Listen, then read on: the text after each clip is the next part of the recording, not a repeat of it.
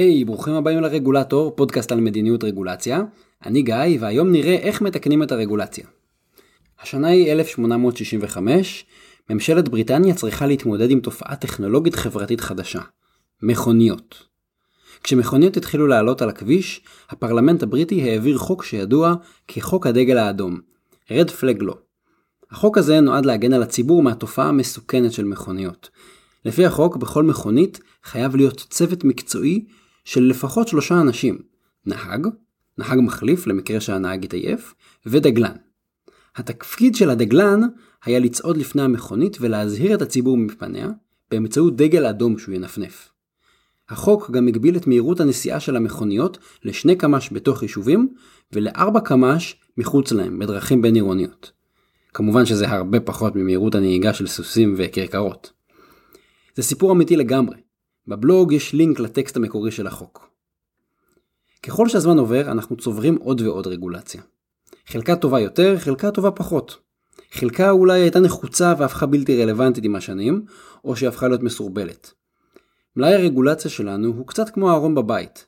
לדברים יש נטייה להצטבר, ואם לא נעשה סדר וניקיון מדי פעם, תכולת הארון תעלה על גדותיה ויצטברו בו גם דברים שאנחנו לא צריכים או לא באמת רוצים.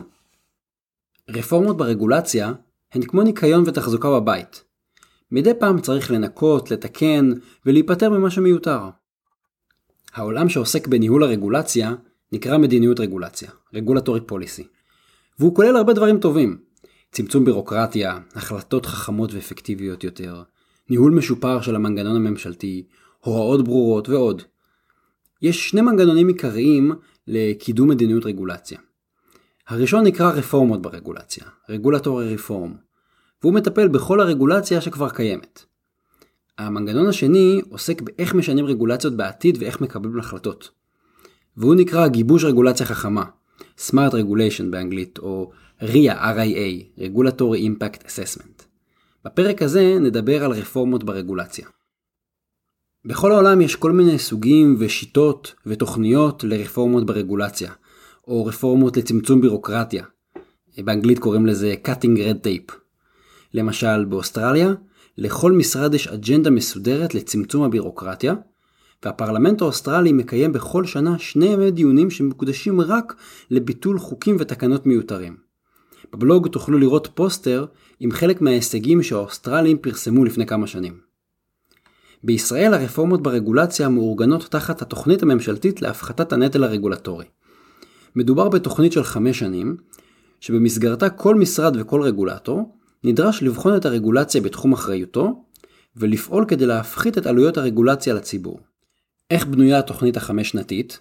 לקחו את כל תחומי הרגולציה בממשלה, ופרסו אותה חלקים חלקים על פני חמש שנים. ובכל שנה בוחרים תחום, ומגבשים עבורו תוכנית להפחתת נטל רגולטורי.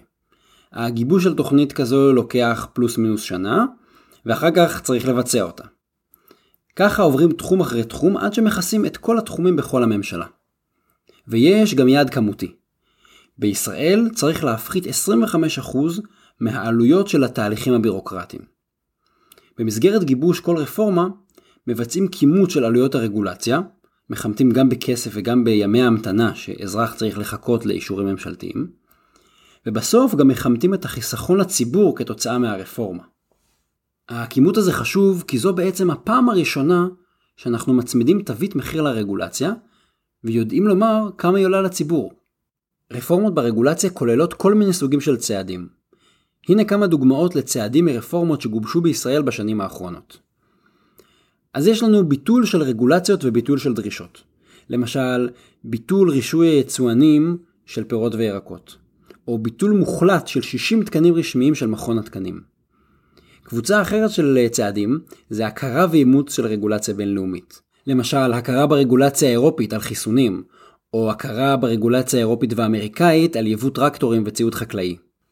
הרפורמות כוללות גם פישוט תהליכים, כמו הארכת תוקף רישיון נהיגה רגיל עד גיל 70, בלי צורך לחדש אותו כל פעם מחדש. או קיצור זמני ההמתנה באמצעות צינון ראשוני של בקשות לרישיון נהיגה מקצועי. עוד דוגמאות הם אה, הגדרת גורם אחד שמרכז את כל הטיפול בבקשות לאישור תכנון ובנייה של מבנים חקלאיים. אנחנו גם רואים שיש הקלה בחומרת הדרישות או הסרה של תנאים ומגבלות. למשל מתן אישור של רשות הכבאות לעסקים ברמת סיכון נמוכה על סמך תצהיר וללא המתנה לבדיקה של פקח. ומשרד התחבורה הפחית את דרישות התחזוקה של רכבים הנדסיים שלא נוסעים על כבישים. הסוג האחרון של צעדים הוא ביטול של חסמים בירוקרטיים, והצד השני זה בעצם מחשוב. אה, ראינו את זה בביטול החובה להדביק מדבקות אחריות על מוצרי חשמל, פתיחת התחרות למעבדות של מכון התקנים, ואפשרות להגיש בקשות לתו נכה באופן ממוחשב. מה שהראיתי כאן זה רק דוגמאות, ומתבצעים המון שינויים נוספים.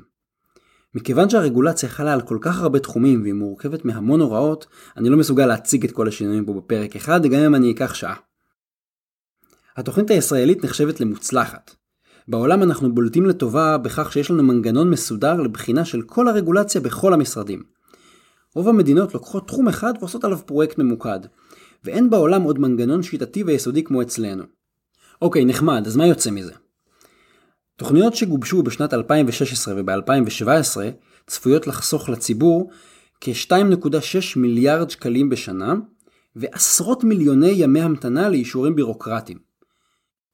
התוכנית הזאת עוד לא הושלמה, וכבר הצלחנו לייצר מנגנון מוצק לקידום רפורמות ולחיסכון עלויות לציבור. כמובן שיש גם ביקורת על התוכנית הזאת, ולא הכל ורוד. אבל אם זוכרים שמדובר בפרויקט צעיר וראשוני, ושאין לנו תרבות של מדיניות רגולציה בישראל, אפשר להסכים שזה מהלך משמעותי והתקדמות מאוד חשובה. אם מעניין אתכם לראות איך זה מתקדם, אז בכל שנה משרד ראש הממשלה מפרסם ספר שמציג את הרפורמות שגובשו בכל הממשלה. צירפתי בבלוג לינקים לספרים של השנים הקודמות. וגם תוכלו לראות דוגמה לדוח שנתי מאוד מפורט שמציג לעומק סטטוס ביצוע של כל אחד מהצעדים ברפורמות של משרד החקלאות. עכשיו אם הסתקרנתם, אז חוק הדגל האדום בבריטניה זה שהטיל מגבלות דרקוניות על השימוש במכוניות, הוא היה בתוקף במשך יותר מ-30 שנה, והוא בוטל רק ב-1896. במשך יותר משלושה עשורים, החוק הגן על קבוצות אינטרס, כמו חברות הרכבות והאיגודים של נהגי הכרכרות. מה שהם היו צריכים זו רפורמה, טיפה לרענן. כשמסתכלים על רפורמות בכל העולם, רואים משהו די מעניין. ככל שהמדינה מאמצת מאוחר יותר תפיסה של מדיניות רגולציה, כך יש לה יותר רגולציה קיימת שכנראה מצריכה רפורמות.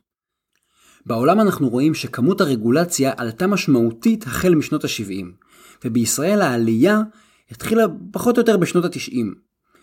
ככל שמדינות אימצו מדיניות רגולציה מאוחר יותר, הן היו צריכות לשים את הדגש על רפורמות ברגולציה הקיימת כדי לתקן אחורה. זה המקרה של פורטוגל, שאימצה מדיניות רגולציה בתחילת שנות האלפיים, או של ישראל, שאימצה מדיניות רגולציה ב-2013. זה בגלל שלאותן מדינות כבר הייתה מסה משמעותית של רגולציה שמצריכה טיפול. מדינות שהקדימו לאמץ מדיניות רגולציה, שמו את הדגש על גיבוש רגולציה חכמה מלכתחילה, כדי להשפיע על זרם הרגולציה העתידי. זה המקרה של ארצות הברית, שהתחילה בסוף שנות ה-70, תחילת שנות ה-80, או של בריטניה, שבמהלך שנות ה-80 אימצה מדיניות רגולציה. הרפורמות האלה חשובות, אבל זה לא מספיק לטפל רק ברגולציה שנקבעה בעבר. התמקדות רק ברפורמות ברגולציה, זה כמו להתמודד עם דליפת מים באמצעות ניגוב של הרצפה. אבל בלי לטפל בנזילה. זה לא יפתור את הטפטוף העתידי שימשיך להרטיב את הרצפה. מדיניות רגולציה שלמה, אמיתית, כוללת שילוב. מצד אחד, רפורמות ברגולציה, כדי לתקן את מה שנעשה בעבר, לעדכן ולשפר אותו, ובצד שני, גיבוש של רגולציה חכמה, שיטה שמבטיחה שגם בעתיד נקבל החלטות טובות ומדויקות שפחות נצטרך לתקן אותן. בפרקים הבאים נראה איך מגבשים רגולציה חכמה מלכתחילה, ואיך זה משתלב עם רפורמות ברגולציה שאנחנו עושים אחת לכמה שנים. תודה רבה שהאזנתם לעוד פרק של הרגולטור. אתם מוזמנים לעקוב אחריי גם בבלוג וגם בפייסבוק. בבלוג תוכלו למצוא לינקים למקורות ולפוסטים בנושא. התכנים משקפים את דעותיי בלבד.